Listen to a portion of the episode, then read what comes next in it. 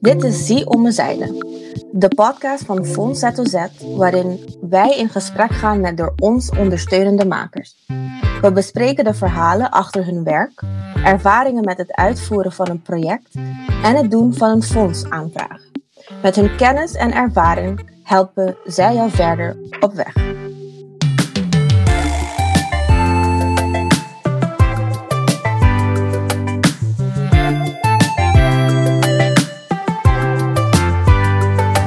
Vandaag ga ik in gesprek met Ilias Barda. Ilias is naar eigen zeggen een visual storyteller. Hij is nieuwsgierig en hij is een zelfontdekker. Zijn project, Maghrébin, is een visuele reis die het gedachtegoed en gevoel van de Amazigh en Maghrebijnse diaspora in Nederland laat zien. Dit is de ommezijde van Ilias Barda.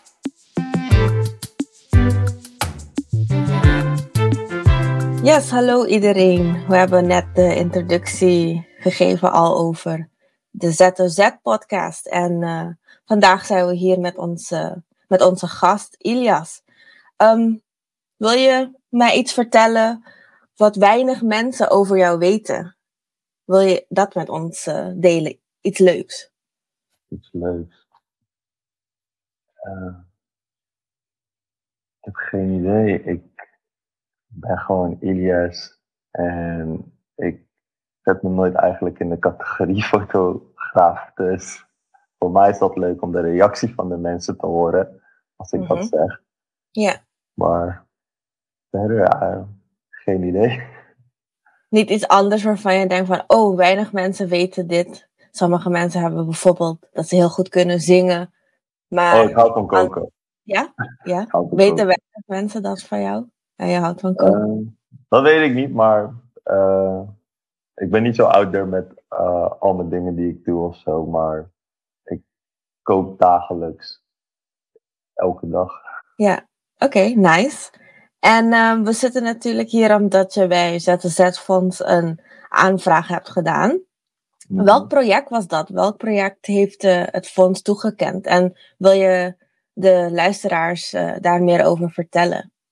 Ja, nee, geen probleem. Uh, eigenlijk heb ik twee projecten gefinancierd gekregen van ZZZ.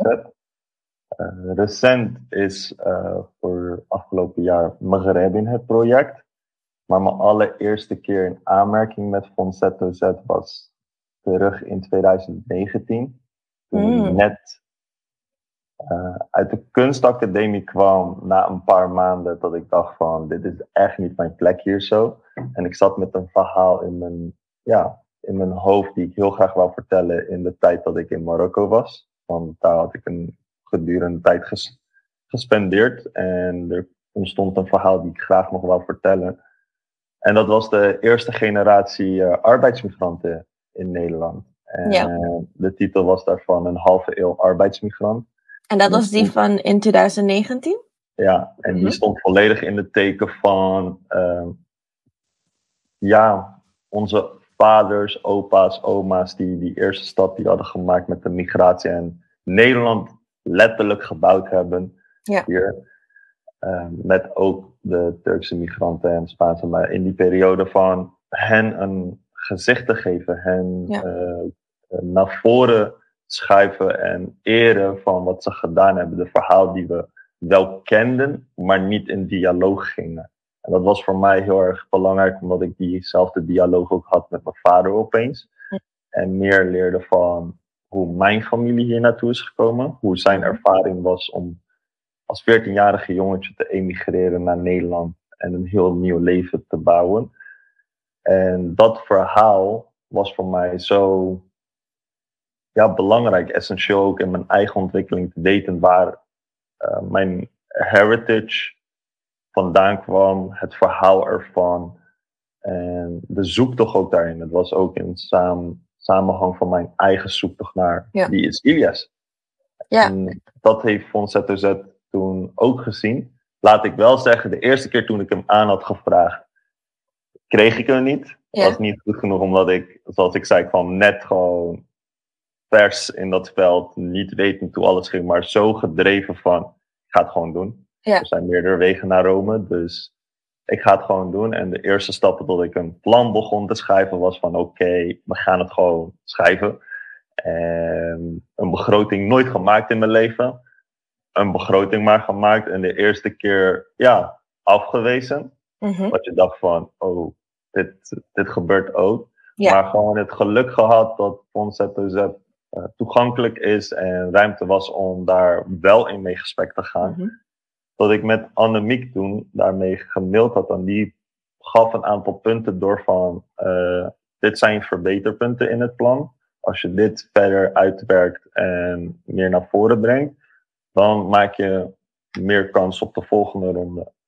Zo gezegd, zo gedaan, daar heel veel tijd aan besteed. Meer eh, het verhaal aan het verwoorden, verfijnen, concreter zijn, Mhm. doelstellingen opschrijven. Ontdekte zelf aan mezelf letterlijk, oh, dit is ook een part van dit proces in. En ik leerde gaandeweg en oh, ja, kwam erachter dat ik het ook kon. Ja. En ja, in die tweede ronde wel een financiering gekregen. En dat had me geholpen om ook weer de start te maken. Maar het was daarin een proces van, ja, hoe vind je je weg daarin? En je, en je project die je onlangs hebt ingediend?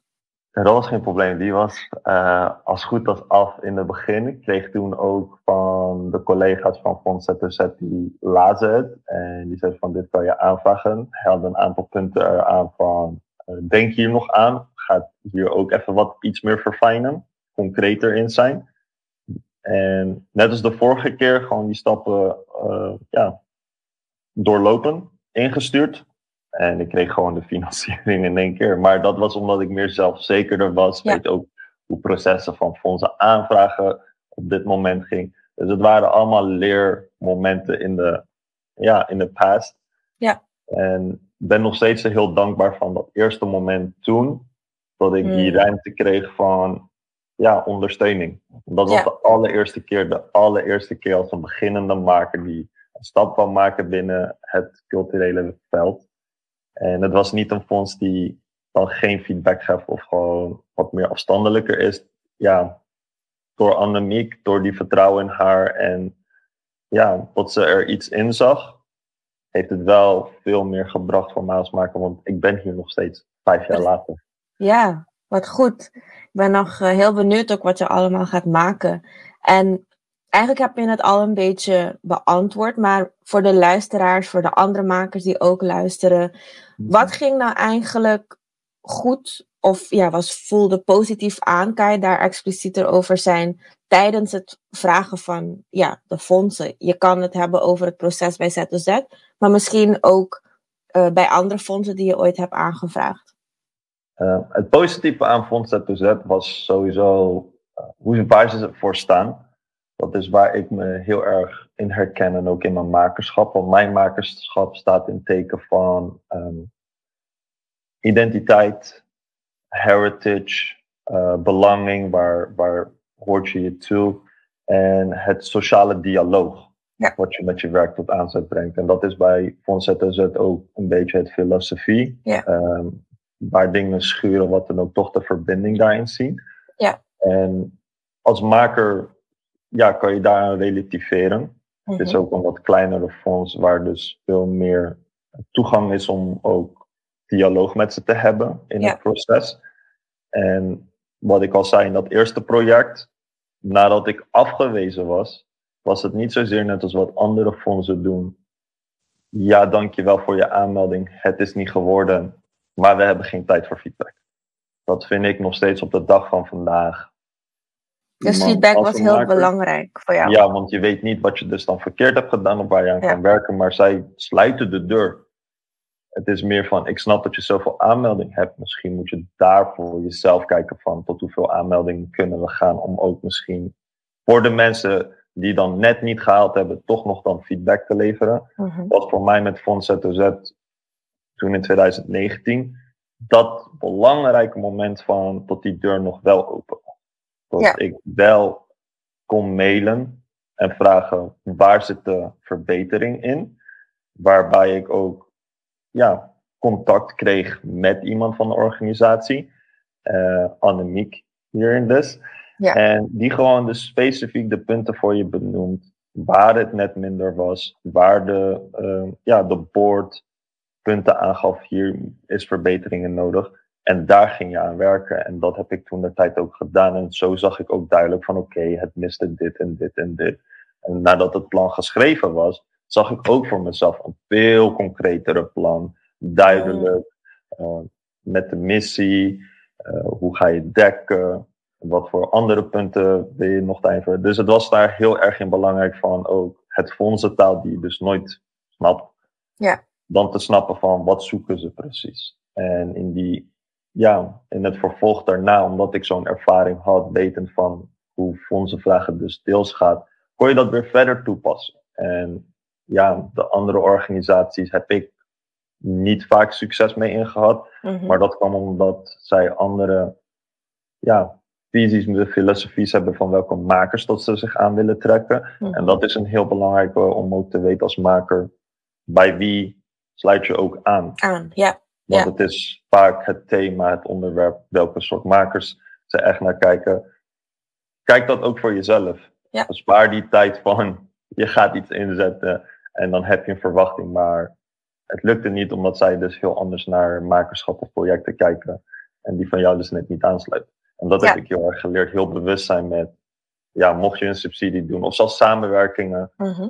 waar ligt die, ja, zit de klikker in? Ja, dus wat ik je eigenlijk hoor zeggen is, het was een leerproces voor jou om ook jouw skills te verbeteren.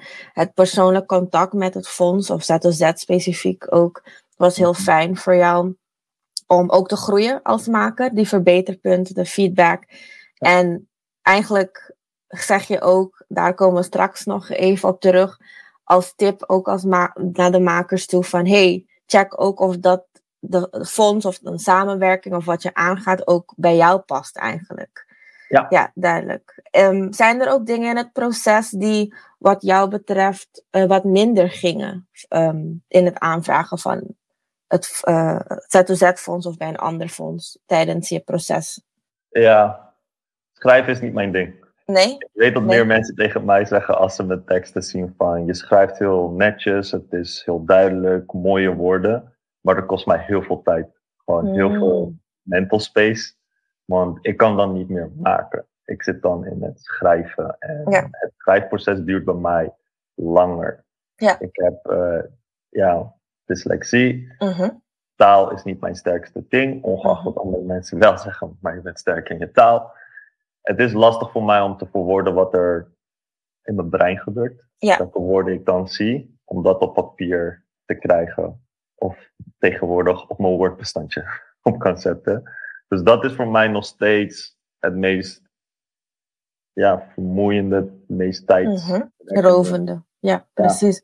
En ja, ik denk dat veel mensen, makers, je hierin ook eh, kunnen herkennen. Ehm, omdat je als maker vaak ook toch vooral gericht bent, behalve als je een maker bent die veel schrijft, ben je toch wel gericht op het eh, ja, op hands-on dingen doen en maken. Ehm, maar je hebt het gedaan of je doet het nog steeds. Ehm, wa- wat heb je daarvan geleerd? Van dat proces? Of wat heb je van jezelf daarin geleerd of van anderen? Dat ik het kan, Ja. dat het wel tijd kost, maar tip wel aan alle makers. Het is vervelend, maar je moet het doen, want zo leer je jezelf ook kennen om je te verwoorden wat jouw makerschap is, die jij als maker ja, verwoordt in de sector, in, bij de subsidies en enzovoort, dat ze gewoon jouw missie, visie duidelijk op papier kunnen lezen in één opslag.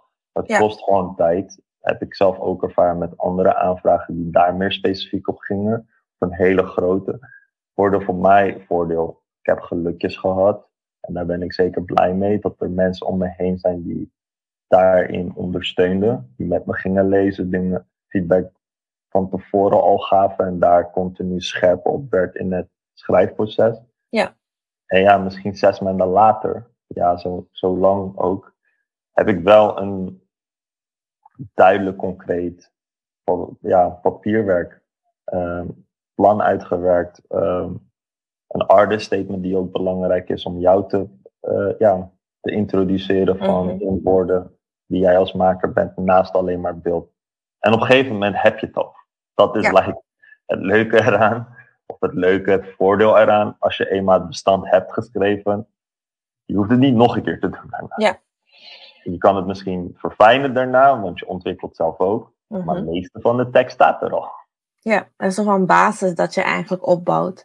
Ja. Maar ik kan me ook voorstellen, want je had het over de type eh, projecten die je doet. Het heeft ook een persoonlijke tint. Het kan ook zijn, natuurlijk, kan ik me voorstellen, dat is, kan ik niet weten bij jouw proces, maar wat ik vaak zie bij makers, ehm, ook bij mijn eigen proces, dat ik als, ik, als ik de rol heb van makerschap, zeg maar, dat ik eh, bij persoonlijke verhalen, ja, het zijn gesprekken met je vader, wat jij bijvoorbeeld vertelt. Het zijn gesprekken met misschien familieleden, als het, weet je, bij andere makers, wat ik vaak terugzie. Het zijn, ja, ideeën, verhalen, familieverhalen uit de oude doos waar misschien nooit over gepraat wordt. En dat kost ook tijd en ja, verwerkingskracht, los van ehm, misschien het schrijfproces.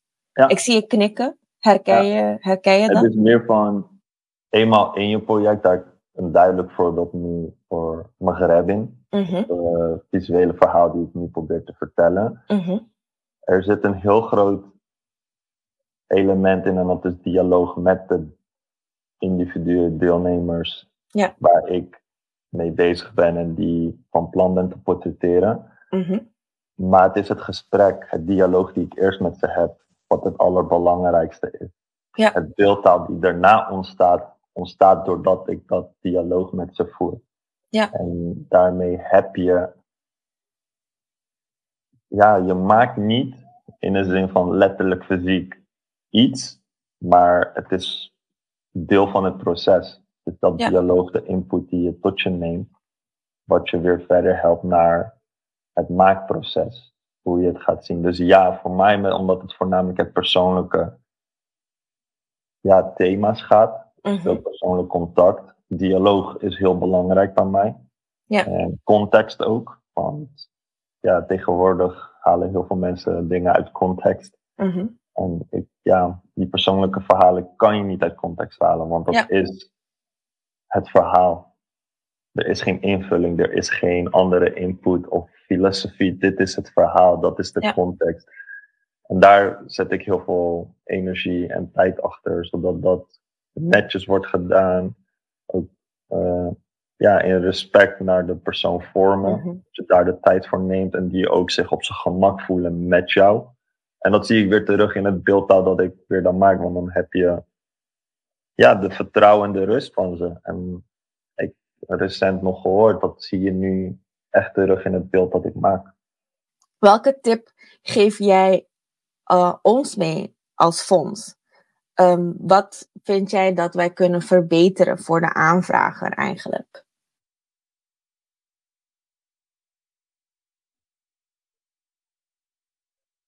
Goeie vraag. Misschien, het kan zijn, zeker voor ZOZ ook, maar het kan ook daarnaast een algemene tip zijn. Mhm. Het is meer van je wetend dat fondsen vanuit een overheidspotje werken. En fondsen in het algemeen, dus ook fondsen ZOZ daar hebben een bepaalde ja, criteria waar ze aan moeten voldoen om iets ook mee te geven. En daar is het voor mij soms van sommige fondsen met de missie en visie of wat ze willen bereiken staat heel haaks met de criteria die ze hebben.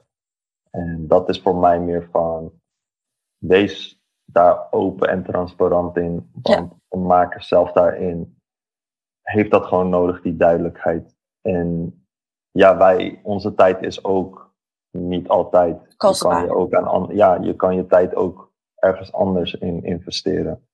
En het is meer gewoon de duidelijkheid naar jou als maker toe van wat ik al aan het begin zei. Zoek die connectie op met een fonds of een andere collaboration dat in lijn gaat met jou. Maar daar is ook een factor van in nu op dit moment specifiek dan een fonds. Ja, wees transparant met Mhm. wat je precies zoekt en welke curriculum en aan welke eisen dan een maker of een project moet voldoen. En dat is niet altijd zo. Ja, ja, er zijn natuurlijk private fondsen en uh, overheidsfondsen. Maar ik, Mhm. ik, ik snap precies wat je bedoelt en ik, ik, uh, ik hoor je ook daarin. Ik vind ook dat um, sowieso transparantie is the name of the game, zeg maar. Van wat, wat wordt er hierin verwacht, wat, wat, wat niet ook, weet je. Wat, wie of uh, wat voor type projecten kunnen niet worden aangevraagd. En ik denk sowieso dat um, dat stuk waar je het over had, over de persoonlijke begeleiding, dat dat ook een heel, ja, heel veel duidelijkheid misschien schept, weet je. Um, ik, ik tip ook altijd, ook in het algemeen, uh, natuurlijk makers die via Fonds Z2Z bij ons aankloppen, die hebben al aangeklopt. Maar als ik makers in het algemeen spreek, mijn tip is ook altijd, vraag eerst advies van een subsidieadviseur. Uh, voordat je een heel proces aangaat. Omdat je dan ook feedback krijgt. Niet alleen inhoudelijk, maar ook over het proces. Van hey, dit zijn de criteria waar je aan kan voldoen. En mm. dan kan je aanvragen. Um, en laten we je daarbij ook helpen. En ik vind dat een hele goede tip ook voor fonds in het algemeen. Um, en iets waar we aan herinnerd uh, kunnen blijven worden, ook bij Z2Z. Dat inderdaad die transparantie ja, het belangrijkste is daarin. Ja. Dan mijn laatste vraag. Welke gouden tip heb jij voor makers bij het doen van een fondsenaanvraag? Je hebt het soort van al een paar goede takeaways genoemd, maar heb je misschien ja, nog meer? Of wat is de gouden tip voor jou die je wilt meegeven? Er is geen gouden tip. Is ook een klein beetje lak hebben. Ja. Want er zijn heel veel die ook aanvragen. Ja, je moet een beetje daar uitspringen. Ik heb niet per se niet dat ik een gouden tip heb van als jij dit nu doet, gaat het werken. Ik zit zelf nog in dat proces om het uit te vogelen. Maar wel het belangrijkste of iets wat je mee kan nemen. Het is gewoon my two cents. Mm-hmm. Geef dat gevoel mee wat je hebt. Mm-hmm. Hoe je dat voelt, schrijf het zo concreet mogelijk erin. Desnoods, testbeelden of iets. Geef dat mee. Dat doe ik nu zelf ook. Want dat versterkt meer je verhaal en de doelstelling van een project. En dan hopelijk krijgen ze dat ook mee. In plaats van alleen maar tekst. Maak het een beetje visueel. Ja. En als het niet lukt, luisteraars, ik heb er ook gewoon zelf mee moeten omgaan. Afwijzing is nooit leuk. Maar het hoort er helaas bij en je leert er ook wel van. Duidelijk. Ik denk dat dat ook een hele realistische ja, advies is eigenlijk dat je meegeeft. Um, ja, we zijn alweer aan het einde van dit gesprek. Kort en krachtig. Mm-hmm. Uh, dat is ook het doel voor de ZZ-podcast. Even een kijkje in de keuken bij de maker en een kort gesprek met een van de leden van ZZ. Ilias, ik wil jou bedanken voor dit gesprek. Ik ben nog heel benieu erg benieuwd naar wat je allemaal gaat maken. En uh, ja, wil je nog de luisteraars thuis um, of in de auto of wherever ze de podcast aan het luisteren zijn, nog iets meegeven over je werk? Uh, waar ze het kunnen vinden of iets anders um, daarover? Ik heb geen website nog. Waarschijnlijk komt dat eraan, hoort te vaak, maar je kan me gewoon op IG vinden, Ilias Parda. Wat waar je mijn werk kan zien. En ik sta open voor een dialoog, dus als je gewoon iets meer wil weten, slide in de DM.